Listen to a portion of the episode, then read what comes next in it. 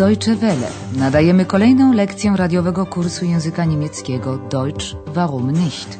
Niemiecki czemu nie? Zrealizowanego we współpracy Deutsche Welle z Instytutem Goethego.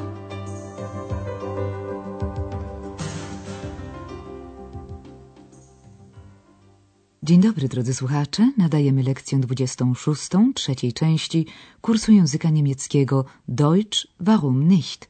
Niemiecki czemu nie? Dzisiejsza lekcja nosi tytuł Chcemy po prostu być razem.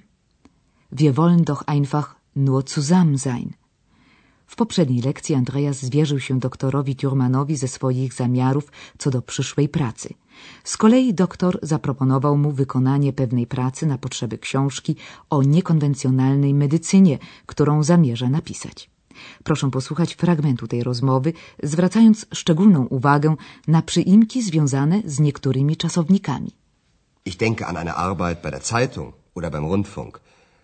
Aber zuerst hoffe ich auf kleine Aufträge. Wissen Sie, ich möchte ein Buch schreiben über alternative Medizin. Hm, was bedeutet das? Ich meine Homöopathie. Ich bin von der Heilung durch die Natur überzeugt. Und da brauche ich noch Interviews. O tym, jak Andreas wywiązał się ze zleconej mu przez doktora Thurmana pracy, jakie są społeczne opinie o skuteczności homeopatii, jak również jaki wpływ cała ta sprawa może mieć na EXA, dowiedzą się Państwo z kolejnej czwartej części naszego kursu. A dzisiaj, na zakończenie tej części kursu, zapraszamy Państwa do wspólnej zabawy w rytmie piosenki Udo Lindenberga. Oczywiście z pożytkiem dla nauki języka niemieckiego. Zanim jednak przekażemy mikrofon Udowi, kilka słów wyjaśnienia. Piosenka traktuje o miłości od pierwszego wejrzenia chłopaka z Berlina Zachodniego i dziewczyny ze wschodniej części podzielonego miasta. A że dzieje się w latach 60., ich spotkania możliwe były dzięki 24-godzinnej przepustce, jaką otrzymać mógł chłopak z Zachodu. Ale czy zakochanym mogą wystarczyć 24 godziny? Stell dir vor, du kommst nach Ost-Berlin.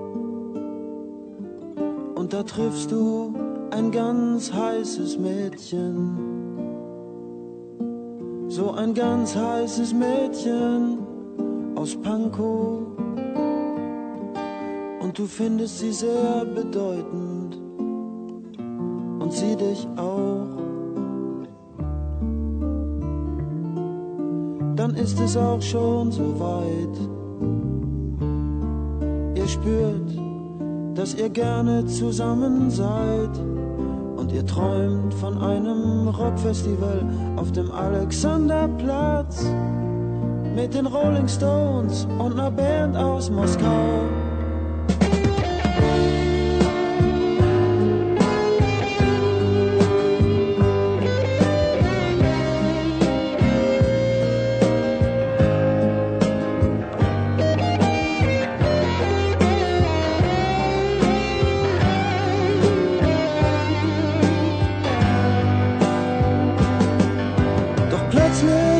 Schon zehn nach elf und sie sagt, ey, du musst ja spätestens um zwölf wieder drüben sein.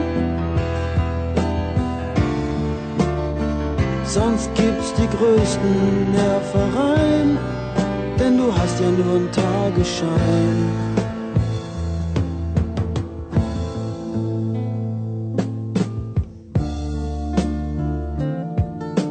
Mädchen aus Ostberlin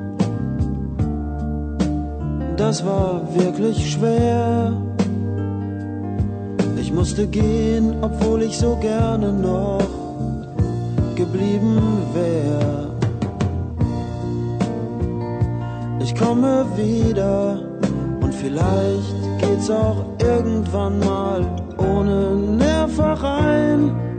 Da muss doch auf die Dauer was zu machen sein.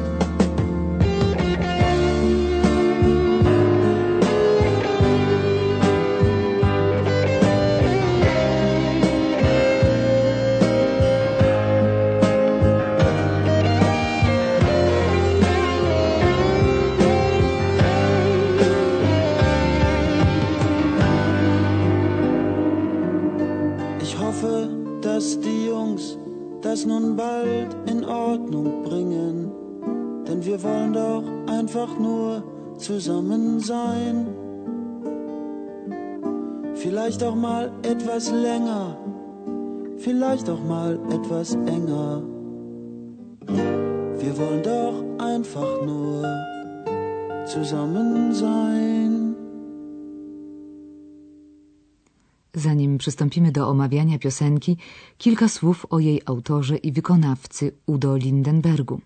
Ten popularny piosenkarz młodego pokolenia, urodzony w 1946 roku, do połowy lat 80. był w NRD zakazany. Stanowiło to doskonałą reklamę jego zaangażowanych, bezpretensjonalnych tekstów, trafiających do przekonania młodzieży po obu stronach muru. W pierwszych słowach piosenki autor zwraca się do słuchacza. Wyobraź sobie. Stell dir vor. I dalej. Taką świetną dziewczynę z Pankow. Pankow to dzielnica we wschodnim Berlinie. So ein ganz heißes Mädchen aus Pankow. Posłuchajmy tej zwrotki jeszcze raz. Stell dir vor, du kommst nach Ostberlin und da triffst du ein ganz heißes Mädchen. So ein ganz heißes Mädchen aus Pankow. Und du findest sie sehr bedeutend und sie dich auch. Teraz zaczyna się druga zwrotka, która mówi, że, cytuję, czujecie, że chcecie być razem. Ihr spürt, dass ihr gerne zusammen seid.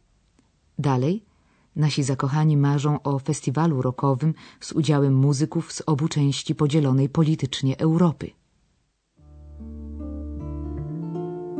Dann ist es auch schon so weit. Ihr spürt, dass ihr gerne zusammen seid und ihr träumt von einem Rockfestival auf dem Alexanderplatz mit den Rolling Stones und einer Band aus Moskau. Nagle w ich rozmarzenie wciska się brutalnie fakt, przepustka ważna jest tylko do dwunastej w nocy. Du musst ja spätestens um zwölf wieder drüben sein. W przeciwnym razie będą problemy. Sonst gibt's die größten Nervereien. Doch plötzlich ist es schon zehn nach elf und sie sagt, ey, du musst ja spätestens um zwölf wieder drüben sein. Sonst gibt's die größten Nervereien, denn du hast ja nur einen Tagesschein. Musiałem odejść, choć tak chętnie bym został, opowiada chłopak. Ich musste gehen, obwohl ich so gerne noch geblieben wär. I wyraża swój protest. Tu trzeba coś zmienić na stałe. Da muss doch auf die Dauer was zu machen sein. Mädchen aus Ostberlin. Das war wirklich schwer. Ich musste gehen, obwohl ich so gerne noch geblieben wär. Ich komme wieder und vielleicht geht's auch irgendwann mal ohne Nervereien. Da muss doch auf die Dauer was zu machen sein. W następnej zwrotce piosenkarz bezceremonialnie zwraca się wprost do polityków, których nazywa chłopakami. Mam nadzieję, że zrobicie z tym wkrótce porządek. Ich hoffe, dass die Jungs das nun bald in Ordnung bringen. A wtedy będzie można być ze sobą dłużej i bliżej. Vielleicht auch mal etwas länger, vielleicht auch mal etwas enger. Ich hoffe, dass die Jungs das nun bald in Ordnung bringen, denn wir wollen doch einfach nur zusammen sein. Vielleicht auch mal etwas länger, vielleicht auch mal etwas enger. Wir wollen doch einfach nur zusammen sein. Zgodnie z życzeniem, nie tylko zresztą zakochanych z naszej piosenki, wprowadzono z czasem dalsze ułatwienia wjazdowe do NRD. Od 1971 roku Berlińczycy z Zachodu mogli już otrzymać 30-dniową wizę. Wszelkim ograniczeniom kres położyło dopiero zburzenie znienawidzonego muru jesienią 1989 roku. I tak spełniło się życzenie z piosenki Udo Lindenberga Einfach zusammen sein, po prostu być razem. Posłuchajmy całej piosenki jeszcze raz. Stell dir vor, du kommst nach Ostberlin und da triffst du ein ganz heißes Mädchen. So ein ganz heißes Mädchen aus Pankow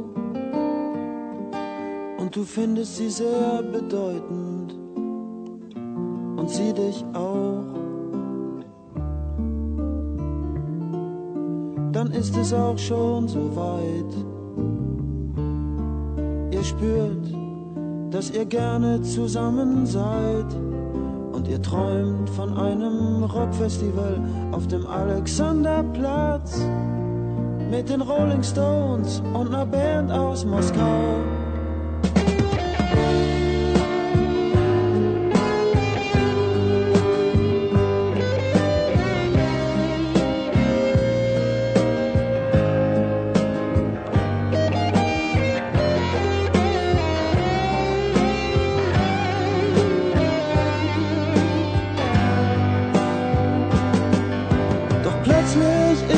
Zehn nach elf und sie sagt, ey, du musst ja spätestens um zwölf wieder drüben sein.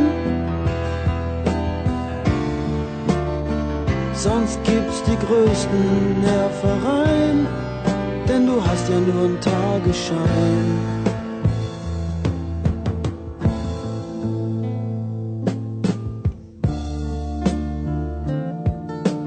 Mädchen aus Ostberlin das war wirklich schwer. Ich musste gehen, obwohl ich so gerne noch geblieben wär. Ich komme wieder und vielleicht geht's auch irgendwann mal ohne Nervereien. Da muss doch auf die Dauer was zu machen sein.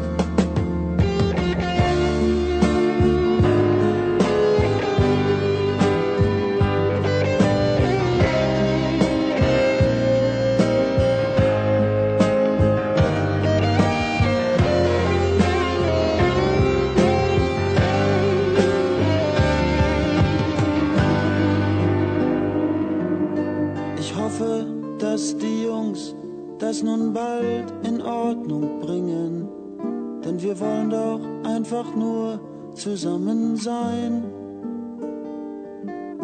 Vielleicht auch mal etwas länger, vielleicht auch mal etwas enger. Wir wollen doch einfach nur zusammen sein. No cóż, pora już pożegnać się z Państwem na zakończenie trzeciej części naszego radiowego kursu języka niemieckiego. Zapraszamy Państwa do uczestnictwa również w czwartej części kursu. Deutsch, warum nicht? Niemiecki, czemu nie? A zatem do usłyszenia.